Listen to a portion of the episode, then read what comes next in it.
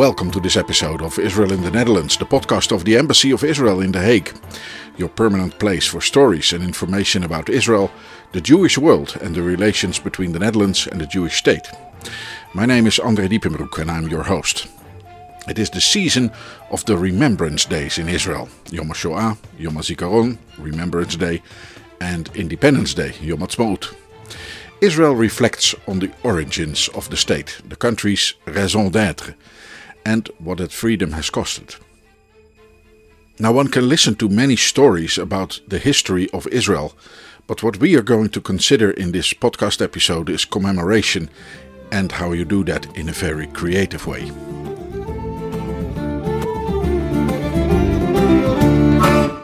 The culture of commemoration is the subject of many debates in the Netherlands, and it is a discussion that also is taking place in other countries, for example in Flanders and England, about how the First World War should be commemorated now that that war is already so far behind us that the last living witnesses are no longer with us. So, what is the point of commemorating such a war? And if it makes sense, how should we do it with a new generation of young people who are getting further and further away from such a conflict, no matter how bad it was.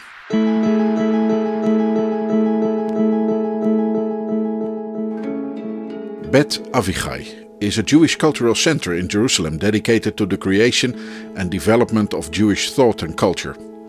Programs aim to engage a broad and diverse Jewish population and motivate participants to learn about the richness and beauty of Jewish thought and culture.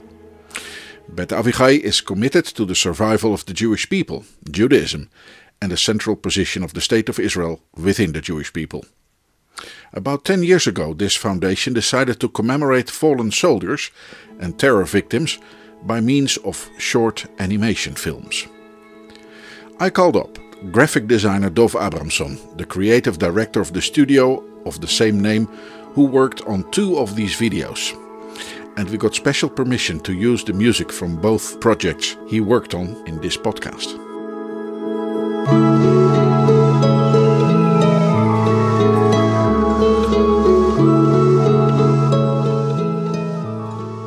How do you remember those who made the ultimate sacrifice for Israel's survival? And how do you do that with people who have been victims of terrorism? Do you remember their last moments? Or are you trying to remember who they were, their character, their interests. With that in mind, the Bet Avichai Foundation set to work. Commemoration in the form of animation videos. Creative director Dov Abramson first explains what Bet Avichai is and what it stands for. Avichai is a cultural center in Jerusalem whose emphasis is on creating, um, taking Jewish tradition and uh, culture and infusing it with the, now, the here and now of Israeli culture. Uh, so many projects that um, are based in Jewish tradition, but have a twist, a, a more contemporary twist. That's what Beit Avichai brings to the world. It could be music or stage, uh, animation in the case that we're going to be speaking about. That's what Beit Avichai does. And we, we have a, a long, an ongoing relationship. Our studio and Beit Avichai have been working together and partnering for many years now. Does Bet Avichai focus only on the population of Israel alone, or also on the Jewish people in the diaspora? And did the target group perhaps become much larger due to Corona? Dov Abramson. Bet Avichai actually, as many things happened with the coronavirus, Bet Avichai realized that the potential to reach uh, Jews and non-Jews all around the world is much larger than they even had imagined. Bet Avichai has a um, has an auditorium that can hold maybe 300 people, but in during COVID, they realized that they can have 600 and 800 people uh, on a live event. I don't think that's uh, in a Zoom event, in a uh, digital event. I don't think that's going to replace a live event, but the audience uh, is usually uh, has up till now is usually uh, Israelis, but I think that's going to change, as a lot of things are after this year.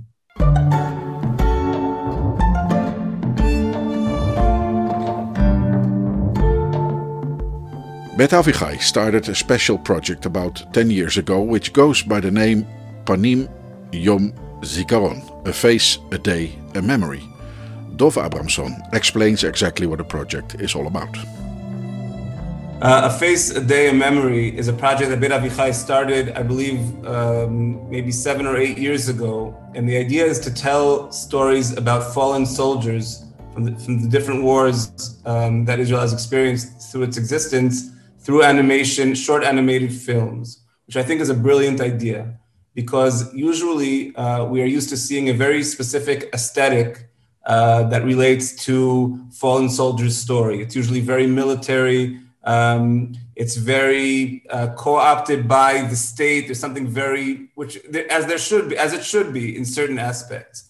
But what happened here in this project is that um, animators and designers uh, came up with stories about the life of the soldiers, not about how they fell in the war, not about how they were killed, uh, which again is very important. But this was was was was um, approaching it from a very different angle. It was about telling a short story from that soldier person about that person's life, um, and and th- and by that way, um, leaving a memory of their life, not only of their death.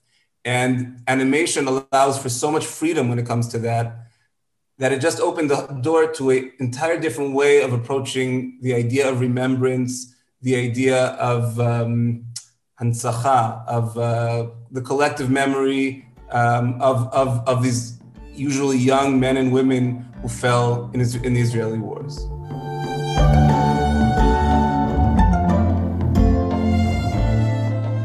Dov Abramson also got involved with this project with his own studio, even twice. We've done two. It's actually pretty. Um, that's a, little bit irregular. Uh, usually, Beit Avichai um, invites uh, different. They try to. They, they do not only try. They di- very diverse uh, creators. Um, but we both felt, uh, both Beit Avichai and our studio felt that after we did what we did for Yuval two years ago, they challenged us. Uh, we were very thankful, and we had the we had the privilege of being challenged once again this year for two. I think the I think the entire project has around. I'm not not 100 percent sure, but I think around uh, maybe 20 films by now. It's an it's an it's an aggregate. Every year, uh, they, uh, Avichai produces around three or four or five films. Um, so I think there are around 20, maybe a little more. Very different styles, by the way. Very different ways of approaching it. There's not one way. Um, that's what's very. That's what the, the project. I, I, encourage everybody to go and, and, and see the project online because one of the things that animation allows is for different styles of showing stories that when they're narrated sometimes unfortunately sound very similar but different faces, different angles, different illustrative, uh, different uh, timing, different music. There's so much going on there in these films that allows for a really diverse bunch of, uh, of, of creative solutions to this to this challenge.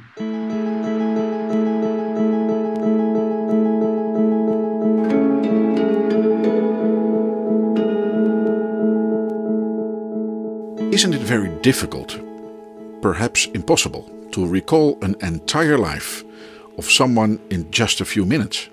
Isn't that an impossible task? Telling the story about the soldier or the person uh, who fell is, is, is very hard. Um, and finding the story is very hard. And finding a story that will come across in animation is also hard. Uh, fortunately, we have great researchers uh, who do the research uh, first. And we, as a studio, were presented with the research about the soldiers. And the two films that we did were very different stories from de- very different times. One was from the 1948 war, one was from the 1982 Lebanon war. And in the first instance, uh, in one of the instances, we had, yes, we had to connect with the family, and it was very difficult. Um, that was a very special story about uh, a mother who wanted her son to be memorialized by exactly what what this project does by a small story. Um, and she, we went over to her house and met with her, and she told us about her son who was killed many years ago, and she didn't have that many memories of him to be to be absolutely uh, frank about it. She really didn't have that many stories, and she felt that all the stories she was t- telling were pretty silly, to be honest. I would make his sandwich. He liked he liked this vegetable in his sandwich. He liked a different kind of sandwich, and we tried to dig through that and through our connection with uh, the family, something that we can work with. Um, this film that we did this year was a little different because it was in 1948, uh, a soldier fell in 1948 and who was the last remainder of his family. So there was really no one to speak to almost. Um, the researcher found one person, one woman who's 91 years old who lives in Jerusalem who knew this soldier. And that was the only research we had. And the film reflects that. Uh, the way we approached it was based on the fact that we had very little information. So as creators, we try to work with what we have, and that, that's part of that's part of the artistic um, that's part of the artistic approach and the challenge is to work with what we had. And in this case, we had very little. On the other hand, it is also something very intimate. You have to bring back to life a special moment in someone's life. Bring that person back to life as if it were it is an extremely special feeling bringing someone, um, at least on screen, back to life. Uh, and to bring him back at a younger age. Both the films we did had our soldiers as, as children, at least at first. Um, and I think that's part of what the families um, love to see. It's not just those last, that last year. Usually these soldiers fall when they were one year or two years into the army, but they have been, they had been teenagers and children way before and have brothers and sisters. And these families to see their child uh, come to life is a, is a huge thing. And uh, it's a very, very emotional experience. I can say that I've been doing what I do for 20 years and I've done many, many, many projects, animation and design. And this project, these two films that we've done for this project have been emotionally by far the most significant um, to my soul as, as a creator because of exactly because of those things that, that you're mentioning. The connection to the family bringing someone back to life. I, have, I feel i have to put air quotes there because we're not really bringing him back to life unfortunately but we are we are memorializing his life his or her life in a very very special way how do the families react on the video productions because for a designer it's a piece of work but for the families you come to an intimate part of their lives how does that work? Well, I'll tell. I, I I'll tell. Yes, the families react in different ways. I can't say that everybody that it's that it's all that it's all you know um, uh, positive emotions. It's very mixed emotions. Um, I, we we are the, project allows us a lot of creative freedom because I think that working too closely with the families, and I say this with all my respect to these families, can hinder the, the, the, creative process in a way that the story won't be able to be told because certain details may be even the way that even the way the person looked we don't we don't claim or we don't um, uh, we don't have the pretension to say that this is what he looked like exactly um, so there's a lot of creative leeway there in the middle um, so but i can say with the with the one of the projects that we did um, I called yesterday, which was the day before the eve of Remembrance Day of Yom HaZikaron. Um, I got my yearly call from Miriam Yuval, who was Yuval who fell in the 1982 war. Uh, his mother calls me once a year since we did the project, and she says, because I can't say this myself, uh, I, I, there was no way I, I, would be I would allow myself to say that this is what she has left from Yuval. She says that she says it that simply. It was many years ago. Her husband, who actually is in the film, uh, in, anima- in animation, of course, uh, is no longer with us. She's 84 years old, very clear, very with it. She's completely, she's sharp as a knife. But she, she, she says to me, Dov, this is what I have left of Yuval. And anywhere you can show this film, anywhere you want to bring me to talk about Yuval and the film, I'll be there. Um, so I would not, I wouldn't dare say that about my own about my own artwork. But when Miriam says it once a year, she says that to me um, it's worth it's worth it all.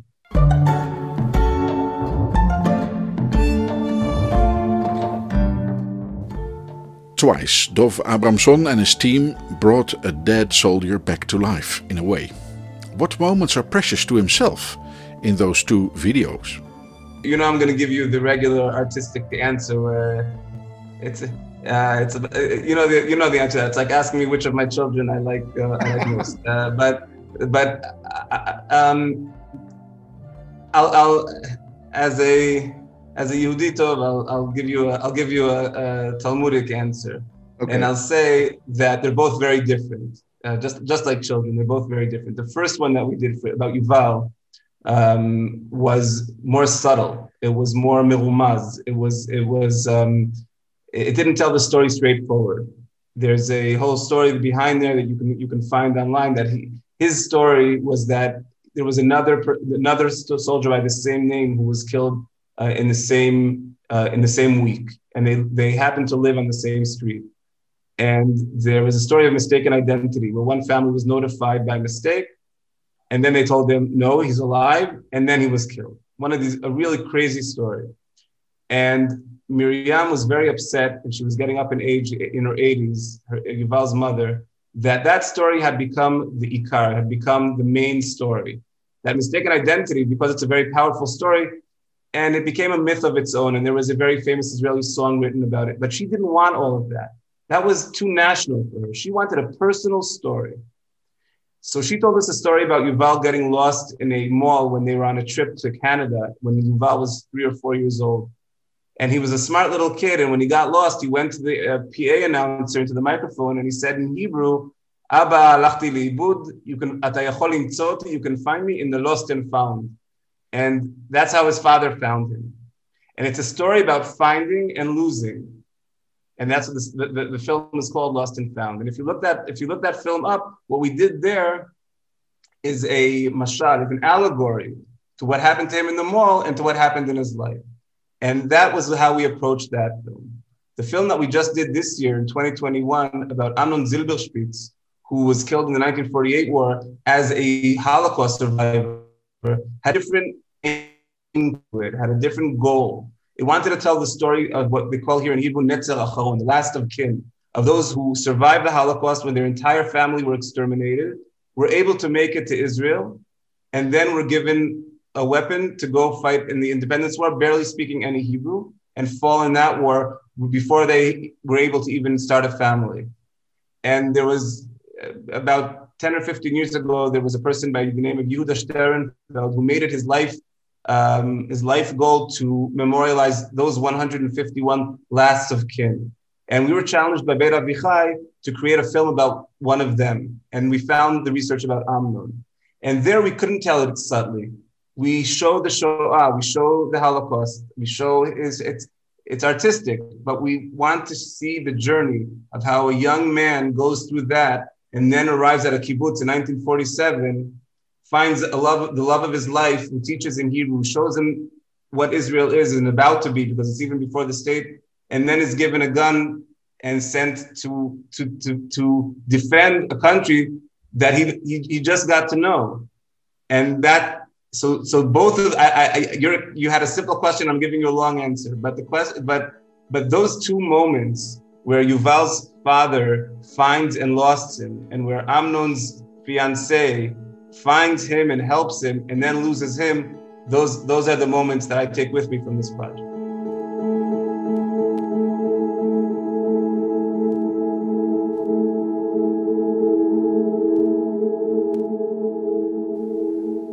How a father found his son and yet lost him again.